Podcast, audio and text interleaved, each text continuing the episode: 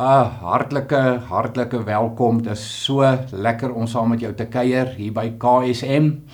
Hierdie is 'n besonderse geleentheid elke keer, so ek hoop dit gaan vir jou 'n wonderlike wonderlike ervaring wees om die Here se woord te hoor, saam te sing, na musiek te luister. Jep, ek wil vir jou sê as dit dalk jou eerste keer is, in die besonder en die besonder welkom hier by Kerk sonder mure. As jy enigsins meer wil weet van wat Kerk sonder mure doen, die wonderlike werk, dan is jy baie welkom om na die webtuiste te gaan kyk. Baie eenvoudig. ksm.co.za. Dat daar is die die webtuiste vir jou, maar jy is so so welkom. As jy meer wil weet van aktiwiteite van KSM, selfde, gaan na die gaan na die webtuiste toe. Kom ons bid saam. Hemelse Vader, wat 'n vreugde en 'n voorreg om met u woord besig te wees, om met u hart vir ons besig te wees. Here, u wat regtig omgee vir ons lewens, u wat omgee vir ons mens wees. Here, u wat betrokke wil wees in ons mens wees. Dit is vir ons so so voorreg dat u by ons is in hierdie oomblikke, dat u met ons gaan praat in hierdie oomblikke. Kom seën hierdie geleentheid, Here, in Jesus naam. Amen. Absolute voorreg vir my om deel te wees van hierdie reeks Unstoppable of Onstuitbaar, wat jy een jy ook al verkies. En dan is daar nou al so 'n klompie temas gedoen. So, uh as ek dit nou reg onthou, is dit sommer net verlede week wat Theodor met ons gepraat het oor oor 'n remind, daai daai onthou. Um, en ek onthou Stefan het al met ons gesels en Colin het met ons gesels en so kan ek aangaan. En vandag kom ons nou by by reimagine reimagine en dis ook 'n 'n nagmaalsgeleentheid. En en toe ek nou hierdie tema sien en hierdie tema ervaar in my hart, hierdie reimagine, hierdie dink nuut, dink oor, dink weer. Dis verskillende Afrikaanse benamings wat jy kan gee vir reimagine. Het ek net besef maar dis die een ding wat Jesus 'n nuwe betekenis kom gee het. Dis 'n dis 'n reimagine moment waantoe ek jou wil vat vandag wat die nagmaal aanbetref. Jy sien die nagmaal het vir baie van ons net 'n ritueel geword, net so 'n ou rotinetjie geword. In plaas van dat dit 'n jubelfees is. Die nagmaal vat ons na die na die gebeurtenisse wat werklik my lewe en jou lewe vir altyd verander het en vir altyd nuwe sin en nuwe betekenis gegee het. Dis danksy die gebeure rondom die nagmaal dat ek en jy in moeilike tye hoop kan hê dat ek en jy oorvloedig kan leef ten spyte van moeilike uitdagende omstandighede. Die baie bekende, hy's op 'n stadium beskou as die as die bekendste sportkommentator in Amerika, 'n man met die naam John Miller. Hy het die gewoonte gehad terwyl hy nou uitgesaai het, het hy het hy so 'n uur glasie by hom gehad. Ehm um, jy, jy jy sal dit nou ken van baie van die borsveletjies vandag het ons nou daai daai tyd dingetjie, daai daai uur glasietjie. En en hy het dit altyd by hom gehad en uh, hy was gestel op 3 minute. So die sandjies het elke 3 minute uitgeloop. En en hoekom? Hoekom het John Miller dit gedoen? Dit het hom herinner om elke 3 minute die telling te gee. Want dit is tog wat mense daarom ook gereeld wil hoor of dit nou televisie of radio is, jy wil gereeld die telling hoor. Wie wie, wie wen, wie loop voor, uh, wat het gebeur, wie wie drie gedruk. So die telling is belangrik. Elke 3 minute gee John Miller die telling. En dis wat nagmaal is. Nagmaal is 'n herinnering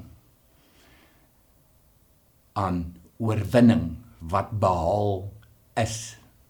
Ek wil dit herhaal. Aan oorwinning wat behaal is. Ek en jy het nodig om gereeld daaraan herinner te word. Ag, ons kan so mismoedig raak. Ons kan so hoop verloor. Ons kan so ek wil amper die woord gebruik pateties raak met tye, asof daar nie hoop is nie, asof daar nie lewe is nie. En dan het ons 'n herinnering nodig. En die nagmaal, buiten dat dit 'n jubelfees is, 'n jubelfees van oorwinning is ook 'n herinneringsteek van 'n oorwinning wat reeds vir my en vir jou behaal is. Kom ek vat jou na die Ou Testament toe. Daar is die Paasmaaltyd mos nou altyd gevier. So kom ek vat jou na Eksodus 12 vers 24. Dan lees jy dit saam met my. Julle en julle kinders moet altyd hierdie voorskrif eerbiedig. As julle kinders sou vra, wat beteken hierdie verpligting? Moet julle sê, dit is 'n paasoffer aan die Here, omdat hy in Egipte die Israeliete se huise oorgeslaan het. Terwyl hy die Egiptenaars getref het, het hy ons huise gespaar. Nou in hierdie gedeelte kry jy nou 'n verwysing na die 10de plaag. Hierdie het alles te doen met die uittog uit Egipte. Hierdie het alles te doen met met die 400 jaar slawerny, die 400 jaar ballingskap van die Israeliete, aaklige tye in Egipte. En God wat vir Moses stuur, jy moet nou die Israeliete gaan bevry uit Egipte uit. Hulle het gegroei tot 'n volk van min of meer 3 miljoen, so dis 'n groot volk wat nou aan die trek moet gaan. Hulle moet nou hulle moet nou uit Egipte beweeg na die beloofde land toe. En toe kom die 10 pla en Farao wat nie sy slawe wil laat gaan en en, en hy hou vas en hy hou vas en hy hou terug. En die 10de plaag. Onthou jy die bloed aan die deurkusyne? Vir elke gesin moet 'n lam geslag word en die bloed moet aan die deurkusyne geverf word. Hoekom? Want die Here gaan daardie huise oorslaan. Hy gaan die hele Egipte tref. Alle eersgeborenes, mens en dier, gaan sterf. Behalwe waar die bloed aan die deurkusyne is. Ons lees meer hieroor ook in Eksodus 12 vers 8. Nog dieselfde nag moet julle die vleis eet. Julle moet dit gebraai eet saam met ongesuurde brood en bitterkruie. Met ander woorde die boodskap wat die Israeliete toe kry, ons hierdie hierdie geleentheid, hierdie absolute hierdie hierdie uittog uit Egipte, hierdie sleg wat ons ervaar het in in hierdie bevryding uit Egipte moet gereeld gevier word met 'n ete. En daardie ete het 'n baie bepaalde orde gehad. En dit was omtrent 'n maaltyd en hierdie is baie belangrik. Waar weet ons nagmaal is is is gewoonlik baie kort. Ons Paasmaaltyd is gewoonlik baie kort. Die die Paasmaaltyd in die Ou Testament was gewoonlik 'n geleentheid van hier om en by 3 ure lank gewees. En ja, kyk mooi, die elemente hier in Eksodus 12 vers 8. Julle moet die vleis eet saam met die ongesuurde brode en die bitterkruie. Wat 'n vleis? Lamsvleis. Wat jou laat herinner aan die die lam wat geslag is en en die bloed wat gesmeer is aan die deurkusyne.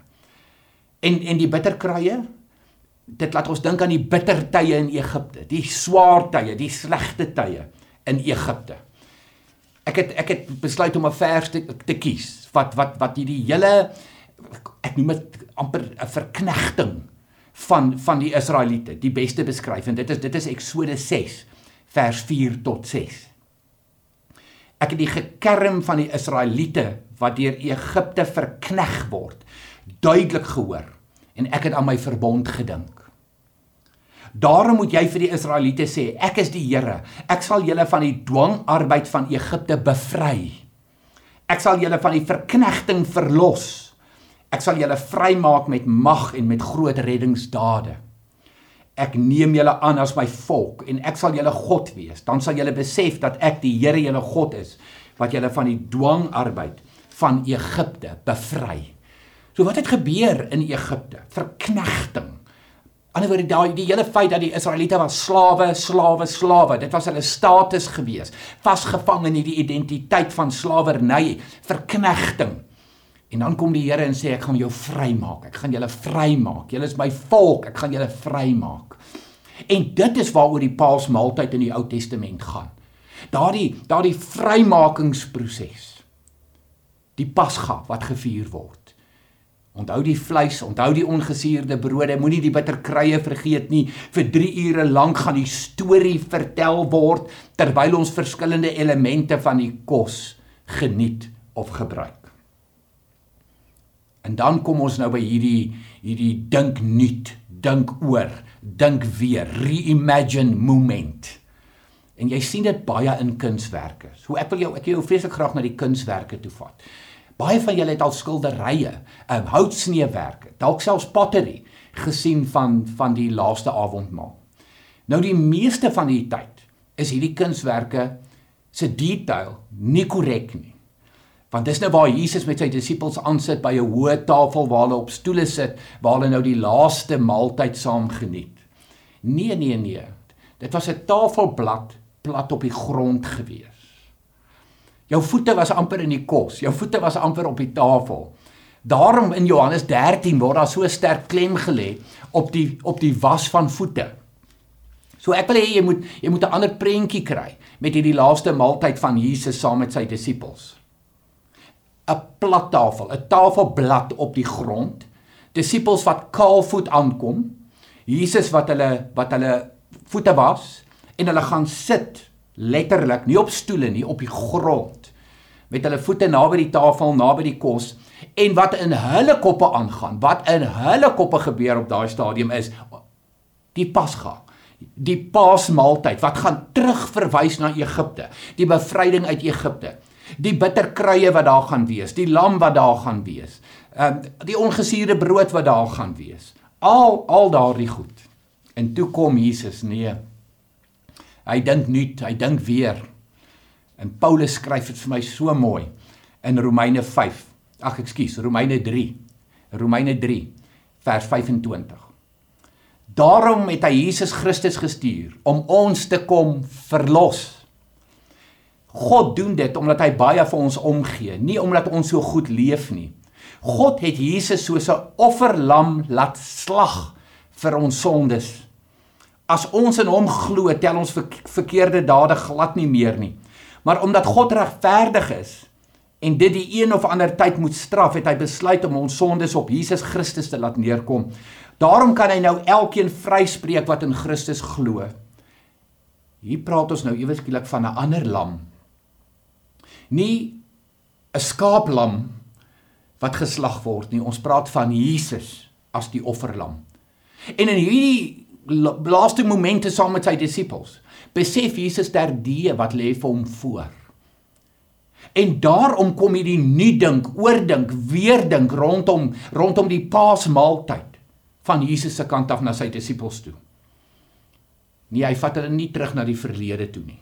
Hy vat hulle nie terug na die verknegting in Egipte nie. Nee, hy vat hulle vorentoe. Die verknegting in sonde. 'n Slaaf as gevolg van sonde. Nee, hy vat hulle nie na die bloed van 'n skaaplam nie. Nee, nee, nee, hy word die lam. En hierdie is vir my die mooiste mooiste wat ek en jy moet verstaan van die nagmaal. Die lam. Jesus die lam bedien die lam. Die lamsvleis. Die skaaplamvleis. So die nagmaal is 'n geleentheid waar Jesus hom kom kom nie doen, nie dink, oordink en hy vat hom vorentoe. Sy disippels verstaan min hiervan. Hulle hulle daai oomblik moet jy een ding besef, hulle het nie 'n klou wat aangaan nie. Want hulle is nou gewoond om die Pasga te vier. Hulle is gewoond die uittog uit Egipte. Wat gaan nou hier aan? Waarvan praat Jesus nou? En ewe skielik ewe skielik is daar nuwe tekens. Brood wat gebreek word. Wyn uit 'n beker, een beker vir almal wat gedrink word. En almal word genooi om deel te neem oor iets wat nog moet gebeur, iets wat nog gaan gebeur. En ek sal net nou as ons die nagmaal saam gaan gebruik wanneer ek die nagmaal gaan instel saam met jou sodat ons die tekens van die brood en die wyn kan kan saam geniet. En dit dit dit, dit bly vir my die wonder ook van die virtuele en die digitale dat hierdie goed nie stop nie. Ons kan dit steeds saam met mekaar doen. Sal ek vir jou die spesifieke skrifgedeelte lees waar Jesus dit vir sy disippels verduidelik. Maar vir nou wil ek graag weer vir jou Paulus se woorde lees. 2 Korintiërs 5 vers 21. Christus was sonder sonde. Maar God het hom in ons plek as 'n sondaar behandel sodat ons deur ons eenheid met Christus deur God vrygespreek kan wees. Hier sit nou weer die woord vryspraak. Dit is jou en my diepste behoefte in ons lewe is om vergewe te wees, om vrygespreek te wees. Vryheid, dit is jou diepste behoefte. En dit kom nie net die dag as jy uit 'n tronk uitstap nie. Nee, nee, nee, dit kom juis deur die deur die kruis. Dit dit dit, dit kom deur die leë graf. Dis dis die grootste bevryding wat God bewerk het deur Jesus aarde toe te stuur.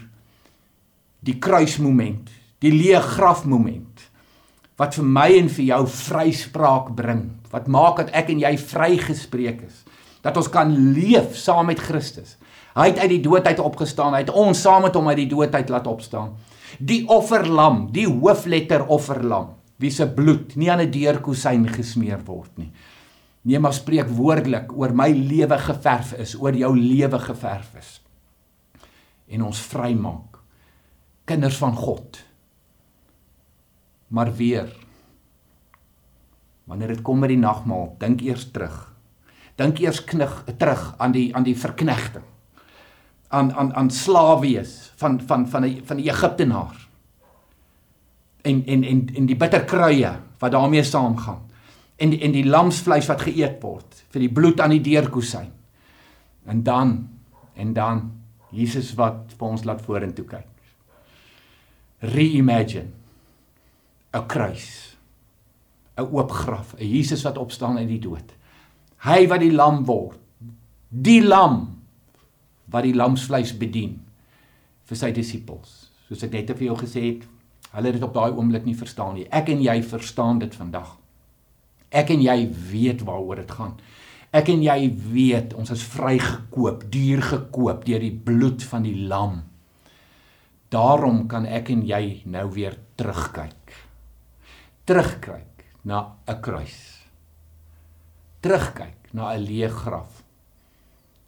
Kom ons kondig dit net weer aan. Die oorwinning is behaal. Dis die telbord. Die oorwinning is behaal. Ek en jy is saam met Christus oorwinnaars. En dis wat ons vier met die nagmaal. Ons kyk hier terug soos wat die disippels teruggekyk het op die Pasga nie. Nee nee, ek en jy kyk wel terug. Ons kyk terug op die kruis en die leë graf. En dit vat ons vorentoe soos Jesus sy disippels vorentoe gevat het. Dit vat ons vorentoe om te gaan leef as vry mense. Om te gaan leef in oorwinning, om te gaan leef 'n oorvloedige lewe ten spyte van moeilike omstandighede. En met hierdie in ons harte, met hierdie kennis wat ons nou opgedoen het van die van die Paasmaaltyd in die Ou Testament en die Paasmaaltyd in die Nuwe Testament. Loop ons harte oor, is ons harte vol. En met dit gaan ons net tot die nagmaal saam gebruik. Kom ek bid vir ons. Here, dankie vir die pad wat U gestap het, Here Jesus. Dat U die brood breek en dat U die die beker skink, die wyn en dit gebruik en dit vir U disippels aanbied, wel wetend wat lê nog vir U voor.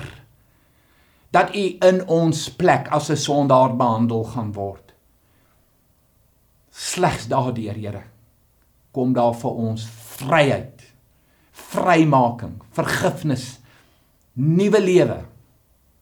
Dankie daarvoor, Here. In Jesus naam. Amen.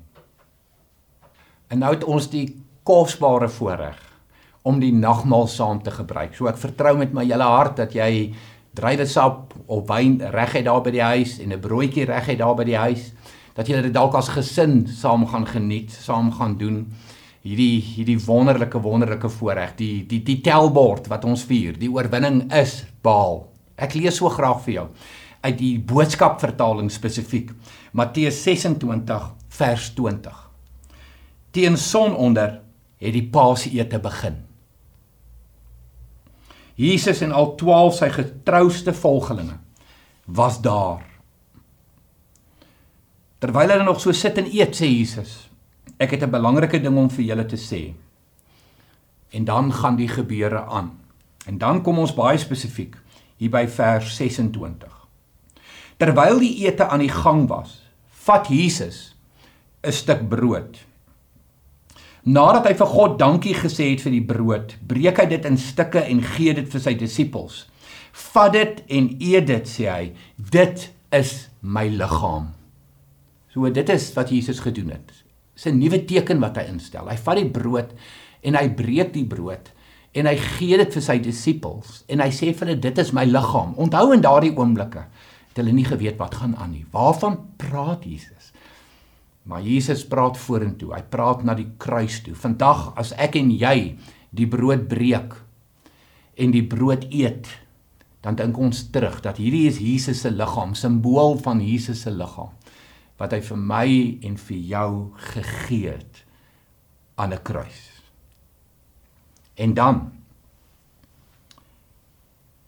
baie spesifiek vers 27 van daardie gedeelte. Toe vat hy die beker met die wyn. Weer sê hy vir God dankie daarvoor en gee dit vir sy disippels om te drink. Drink dit, almal van julle. Dit is my bloed wat gaan vloei Dit beteken dat baie mense se sondes as gevolg daarvan vergewe sal word. Maar dit beteken ook dat baie mense in 'n nuwe verhouding met God sal kan staan. So wanneer ons die wyn gebruik, die simboliese teken van die wyn, dan is dit die vergifnis van sonde. En 'n simboliese betekenis dat ek en jy deur die kruisdood van Jesus, deur die bloed van Jesus, die voorreg het om in 'n nuwe verhouding met God te staan.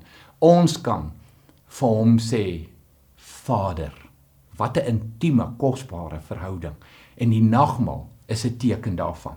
Die brood wat ons breek en gebruik, die wyn wat ons skink en wat ons drink. So jy kan jou broodjie geniet. Jy kan jou wyn geniet.